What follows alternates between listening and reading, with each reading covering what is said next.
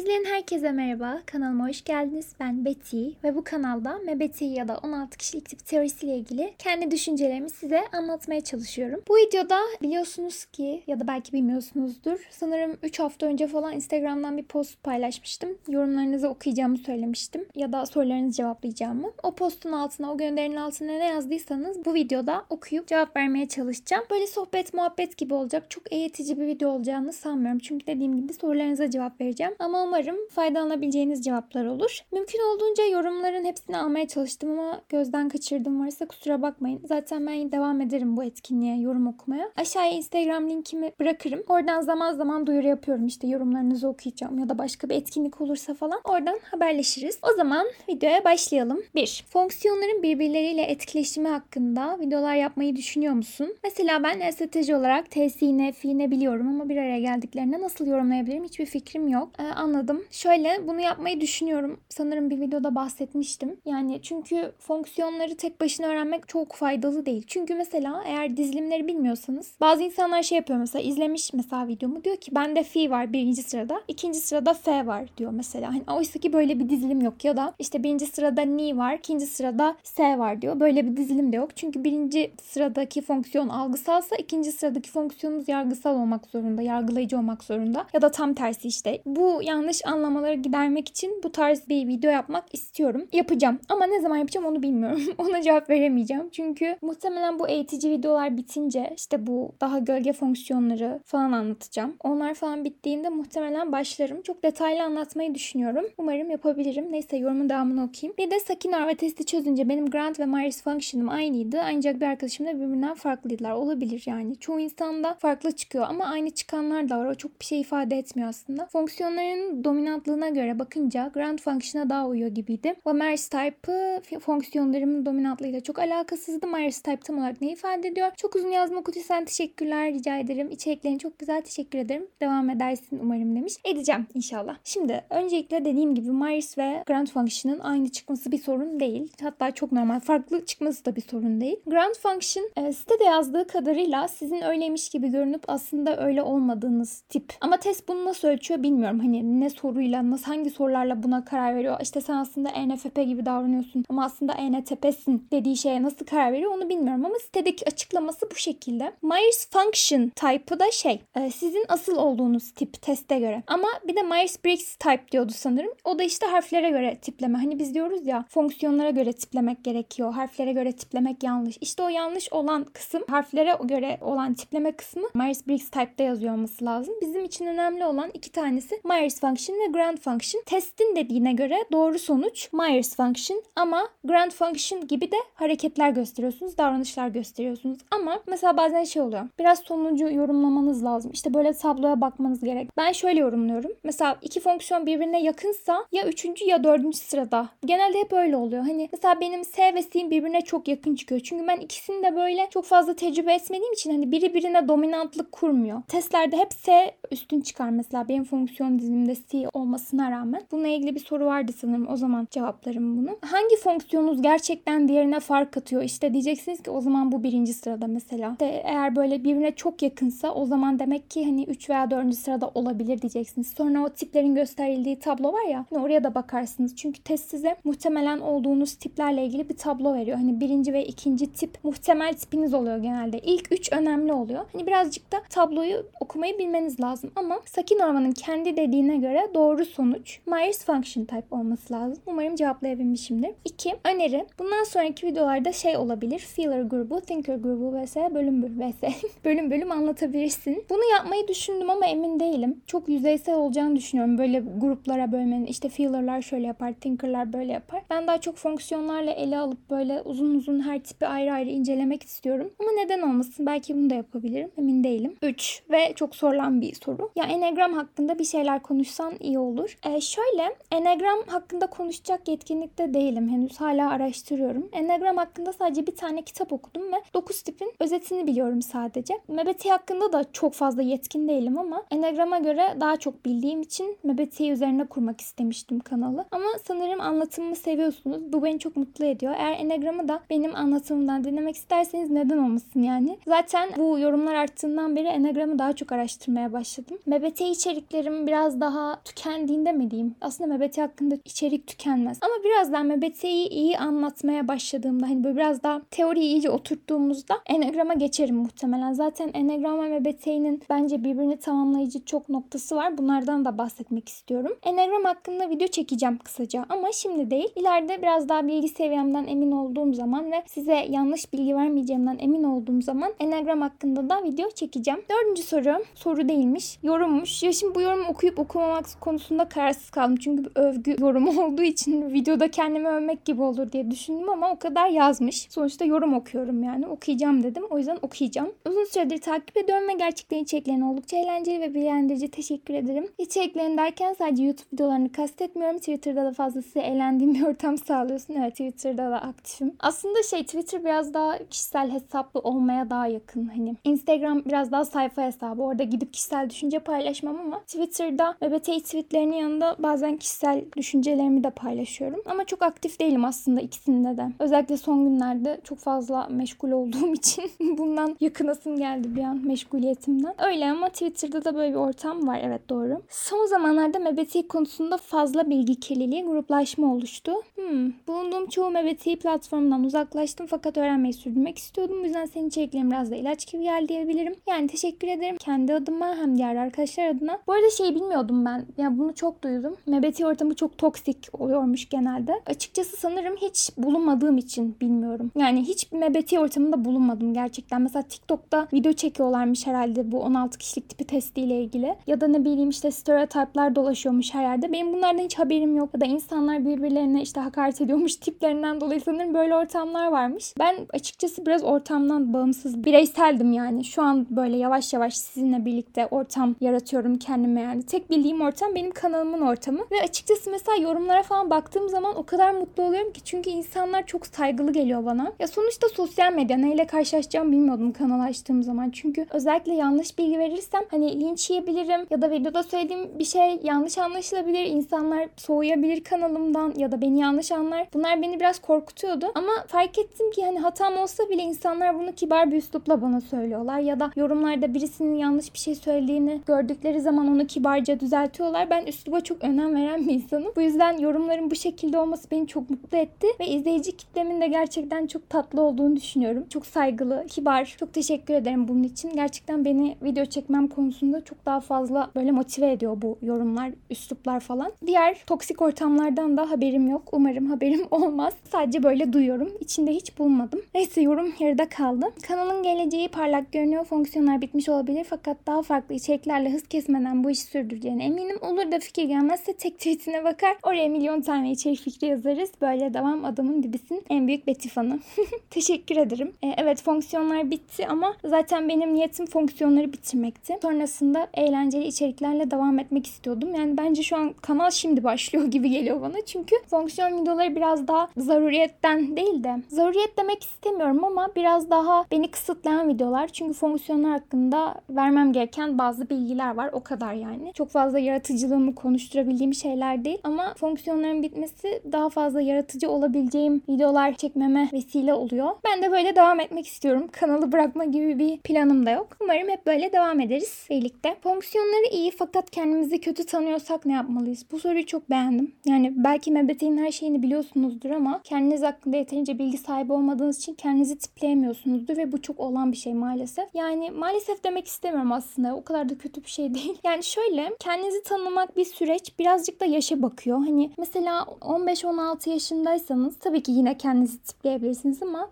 işte bir 18-19 yaşındaki birine göre daha zor olabilir. Çünkü daha yeni yeni böyle fonksiyonlarınızı kullanmanız gereken işte ortamlara falan giriyorsunuz. Ne bileyim mesela 3. fonksiyonunuz T ise zaten 3. sırada. Hani böyle gerçekten T kullanmanız gereken bir ortamda bulunmanız gerekiyor. Demek istediğim bu. Yani o yüzden biraz zamana bakıyor böyle bu fonksiyonlarınızı fark edebilmeniz falan. Benim tavsiyem muhtemelen şey olurdu. Öncelikle MBT'yi bir şeyleri neden yaptığımızla ilgili ya. Ben sürekli işte davranışlarımın nedenini düşünürdüm. Düşünerek bulabildim aslında aslında ama böyle eğer seni rahatlatacaksa mesela bunları düşünüp not alıp yaptığın davranışların, verdiğin tepkilerin notunu tutup bunları böyle birbirleriyle karşılaştırabilirsin. Sonra düşünebilirsin hangi fonksiyona uyuyor falan gibisinden. Etrafındakilere kendin hakkında şeyler sorabilirsin. İşte sence ben böyle miyim, böyle miyim? Çünkü genelde bize dışarıdan bakan bir göz daha fazla yardımcı olabiliyor. İnsanlar genelde şöyle hisseder. Sanki içimizde 5 tane kişi var gibi hissederiz. Çünkü insan karmaşık bir varlık. Gerçekten kendimizi bir tipe oturtmak hani zor oluyor. Bulmak zor oluyor. Hani özelliklerimizi sadece bir tipe uydurmaktan bahsediyorum. Hani kendimizi bir tipe oturtmak değil de. Bu yüzden hani bunun zor olduğunu anlıyorum ve bence yapılacak en güzel şey acele etmemek. Bir de geçen MBT ile ilgili bir sunum yaptım. Orada şey demiştim. Hani önemli olan kişilik tipini bulmak değil. Yani önemli olan ben İNTC'yim, ben İSTP'yim diyebilmek değil. Önemli olan senin o arayışta tipini bulana kadar kendin hakkında ne öğrendiğin. Belki tipini bulamadın tamam mı? Ama kendinde gerçekten düzeltmen gereken zayıf bir nokta keşfettin. Bu gerçekten senin için çok büyük bir kazanç. Yani sanırım yapabileceğin şey davranışların üzerine düşünmek, not almak gerekirse, karşılaştırmak ve kesinlikle acele etmemek, kendini tanımaya çalışmak umarım yardımcı olur. Ben böyle yapmıştım. Daha iyi bir tavsiyesi olan varsa yorumlara yazabilir. Biri her şeyin fonksiyonlara bağlı olduğunu söyledi. İçe dönük olsak da e, XXX çıkabilirmişiz. Bunu söyleyen MBTİ sayfasının admini. Bu doğru mu demiş. Öncelikle yani MBTİ sayfasının admini diye her şeyi bilecek diye bir şey. Hani söylediği şeyi doğru kabul edeceğiz diye bir şey yok. Aynı şekilde bu benim için de geçerli. Ben bir şey söyleyeyim de bunu doğru kabul etmek zorunda değiliz. Hani yazmışsın ya MBTİ sayfasının admini diye. O yüzden bunu söyledim. Bu soruyu çok düşündüm. Hatta araştırma falan da yaptım. Ve teşekkür ederim bu soru için. Çünkü bir fikrimi geliştirmemi sağladı. Şöyle bence burada içe dönük ve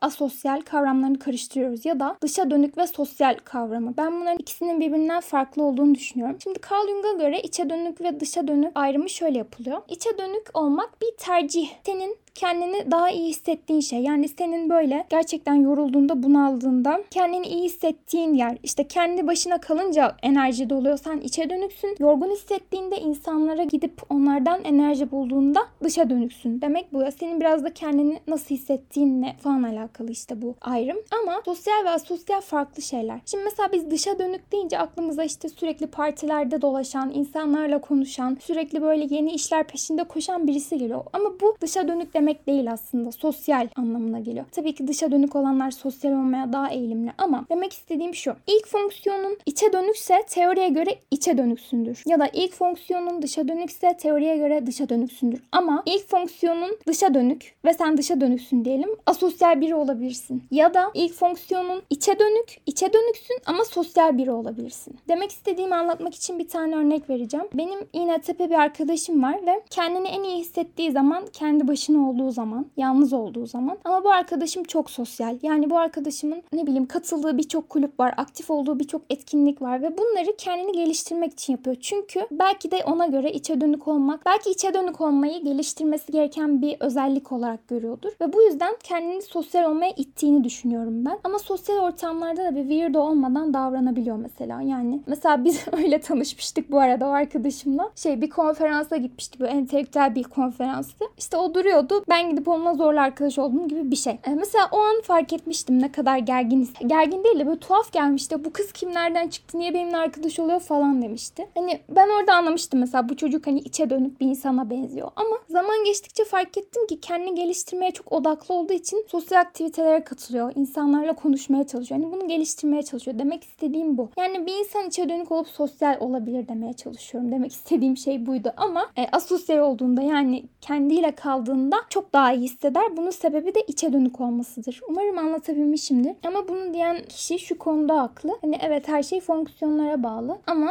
ilk fonksiyon içe dönükse içe dönüksün. Ama sosyal olabilirsin. İşte orada sosyallik, asosyallik bunları böyle içe dönüklük ve dışa dönüklükle karıştırmamak gerekiyor. Bunu söylerken rahat olmamın sebebi de bunu araştırdım. Çünkü bunun sadece kafamda bir düşünce olduğunu düşünüyordum. Yani asosyallik ve içe dönüklük farklı şeyler. İnternette baktığımda bana katılan insanlar olduğunu gördüm ve bu tasdik etmemi sağladı. Belki ne bileyim teoriye göre böyle değildir. Carl Jung çünkü böyle bir şey söylememiş. İşte sosyaller, dışa dönükler aynı şey değildir falan dememiş. Sadece dışa dönüklük ve içe dönüklükten bahsetmiş. Ama e, ben ve internetteki birkaç insan sosyallik ve dışa dönüklüğün ya da asosyallik ve içe dönüklüğün farklı şeyler olduğunu düşünüyoruz. Umarım anlatabilmişimdir. Shadow fonksiyonlar yani gölge fonksiyonlar hakkında ne düşünüyorsun? Bir şey düşünmüyorum. Açıkçası şöyle düşünüyorum. Tip bulurken çok fazla yardımcı olduğunu düşünmüyorum. Çünkü çok fazla bilgi kafa karıştırıyor. Yani bu ilk dört fonksiyonu öğrenip hala tipini bulamadıysan bence kendini tanımıyorsundur. Bunu senin için söylüyorum genel hani. Kendini biraz daha iyi tanıman gerekiyordur. Çünkü ona rağmen bulamadıysan diğer dört fonksiyon çok daha fazla kafanı karıştıracaktır. Bu yüzden bence ilk aşamada sadece ilk asıl dört fonksiyonu bilmek yeterli. Onun haricinde kendi gölge fonksiyonlarımı düşündüğüm zaman mesela beşinci fonksiyonumu yani ni'yi kullandığımda geleceği çok düşündüğümde strese girdiğimi biliyorum. Sonra gerçekten T kullanmadığımı biliyorum. Blind'ım, T blind'ım ve gerçekten T yok bende ve kullanan insanlarla iletişim kurabiliyorum. Onlardan bir şeyler öğrenmeyi çok seviyorum ama çok tuhaf geliyor. Hani bu bilgiyi neden biliyor diyorum mesela. Bir yandan etkileyici. Hani benim bilmediğim şeyleri başkasından dinlemek. Ama bir yandan da diyorum ki hayır ben bunu yapamam yani. Hani bu tarz şeyleri oturup araştıramam. Çünkü bir süre sonra çok sıkılıyorum. Bu bir şeyi böyle derinlemesine incelemekten. Bu belki hem ni hem t'nin eksikliğinden olabilir. Doğru olduğunu düşünüyorum. Yani gerçekten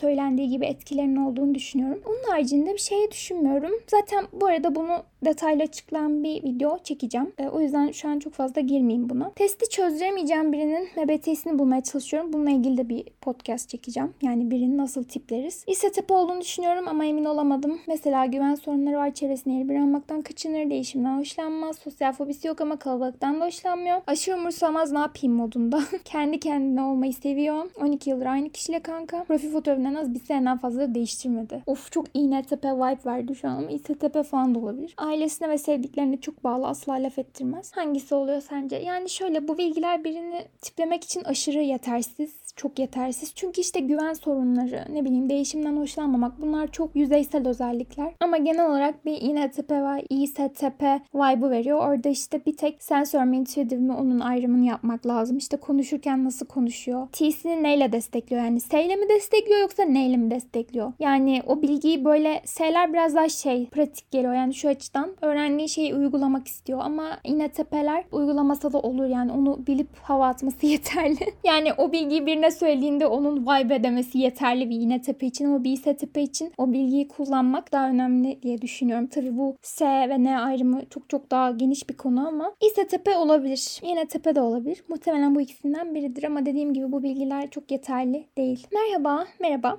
Kişilik tipimizin blind fonksiyonunu iyi kullanabiliyorsak mistype olduğumuz anlamına mı geliyor bu? Şöyle düşünüyorum. Eğer kişilik tipinden gerçekten eminsen muhtemelen blind fonksiyonunu iyi kullanmıyorsun. Blind fonksiyonunu iyi kullandığını sanıyorsun. Çünkü mesela blind fonksiyonum T ama bazen gerçekten oturup böyle bir şeyler araştırmayı çok seviyorum. Ama şey demiyorum işte acaba T'yi iyi mi kullanıyorum falan. Çünkü T'nin çok daha farklı bir şey olduğunu farkındayım. Yani oturup bir şey araştırdım diye T'yi iyi kullanıyor olmuyorum. Çünkü T'nin birçok özelliği var. Aynı zamanda şey de çok karıştırılıyor. İşte mesela blind fonksiyonu F ve F'yi iyi kullandığını düşünüyor. Oysa ki aslında sadece iyi kalpli ve insanlara yardım etmek isteyen bir insan. Bu da mesela F ile çok karıştırılıyor. Demek istediğim eğer tipinden iyi değilsen muhtemelen blind fonksiyonunu iyi kullanmıyorsun. iyi kullandığını düşünüyorsun. Ama tipinden emin değilsen ve gerçekten blind fonksiyonunu iyi kullandığından da eminsen o zaman muhtemelen mistype'sın. Çünkü blind fonksiyonumuzu iyi kullanamayız. Ama dediğim gibi kesin bir şey söylemek istemiyorum. Başka hatırlatma. Bütün NTP'ler her şey hakkında tartışmak istemiyor. Dürüstlüğümüzü şakaya vurmaya çalışıyoruz. Zorba olmaya değil. Tembel olmayan bir NTP olabilir. Betty'nin videolarına aşık bir NTP. Teşekkür ederim videolarıma aşık olduğun için. Ve evet yani zaten bununla ilgili bir video çekmiştim. Stereotiplerin e, yanlış olabilme ihtimali ne biçim bir şey oldu? Yanlış olabilme ihtimali. Yani zaman zaman yanlış olduğu hakkında. Doğru. Ne diyebilirim ki? Ortamlarda çok konuşup kendini rahat rahat anlatabilen ve sosyal ortamlarda bulunabilen ama insanları sevmiyor olarak kendini tanımlayan biri ne mi olur ni mi? Ne ve ni için aşırı yetersiz bilgiler yani ne de olur ni de olur. Neyim ama kendimi insanlardan nefret eder şekilde bulduğum bir dönem vardı. Ama insanların arasında çok rahattım yani gayet de konuşuyordum. Ama sorsan böyle depresif bir şekilde insanlardan nefret ediyorum falan derdim. Aynı zamanda ni bir arkadaşım var. Gerçekten insanlardan nefret ediyor ama insanları okumak, insanlarla iletişime geçmek konusunda çok iyi. Genelde bunu manipüle etmek için yapıyor ama sonuç olarak yapıyor. Kendini rahat da ifade ediyor. Ama insanları çok sevdiğini düşünmüyorum. Hani her iki tipe de uygun bu. Ama dediğim gibi her ikisi için net bir ölçüt olamaz. Yani çünkü ne ve ni'nin çok fazla özelliği var. Bu dediklerin çok yüzeysel. Hiçbir fonksiyon için düşündüm de hiçbir fonksiyon için yeterli bir bilgi değil bu. Ama genelde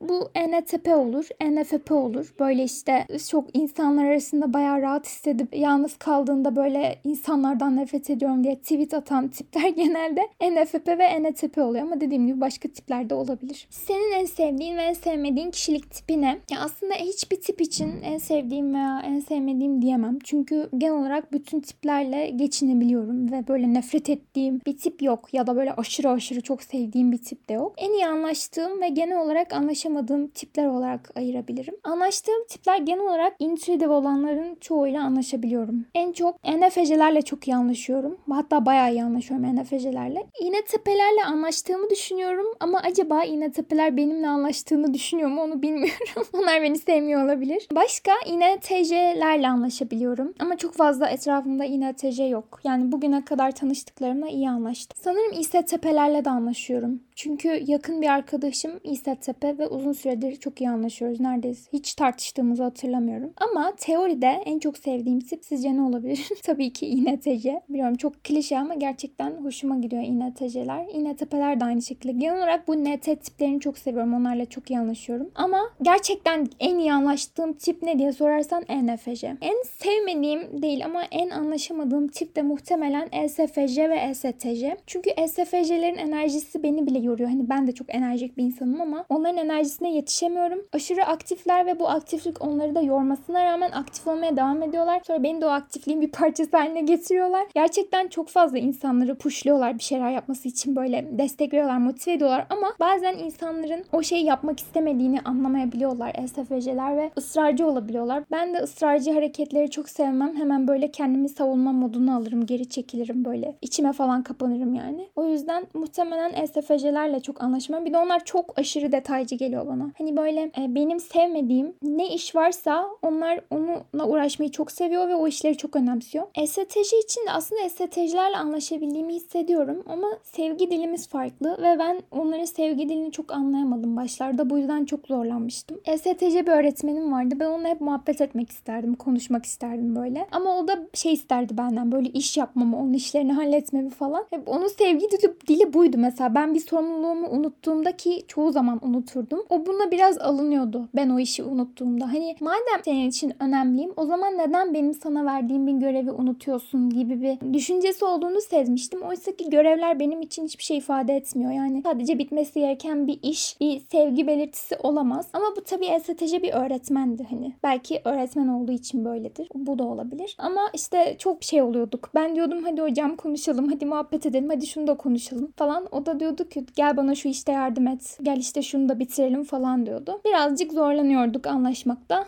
Ama bu arada kendisini çok seviyorum. Video izlemiyor ama. T olmama rağmen ENFP çıkıyorum. Öncelikle test sonucunun çok aşırı önemli olmadığını söylemek istiyorum. Yani ENFP çıkman ENFP olduğun anlamına gelmiyor. Eğer T olduğundan gerçekten eminsen o zaman ENTP veya INTP ya da ISTP, STP olabilirsin. Yani testin ne sonuç verdiğini çok önemi yok. Çünkü gerçekten sonuç aşırı değişken olabiliyor. Bazen mesela benim de test sonucum ENFP çıkıyor ama T fonksiyonum T'yi geçmiş mesela. Hani böyle şeyler çok oluyor. O günkü ruh halimiz işte. Böyle o gün böyle bir şeyi belki çok araştırdın. Böyle T kullandın gibi hissettin. Sorulara ona göre cevap verdin. Bunlar olabiliyor. Ama T olduğundan gerçekten eminsen hani T'yi baskın kullanman o zaman bu NFP olmadığın anlamına geliyor. Ki bana çıkıyor. Ben çoğunlukla SFP falan çıkıyorum. NFJ çıkıyorum. Bir de INFP çıkıyorum. NTP'de çıkmıştım ama NFP'yim.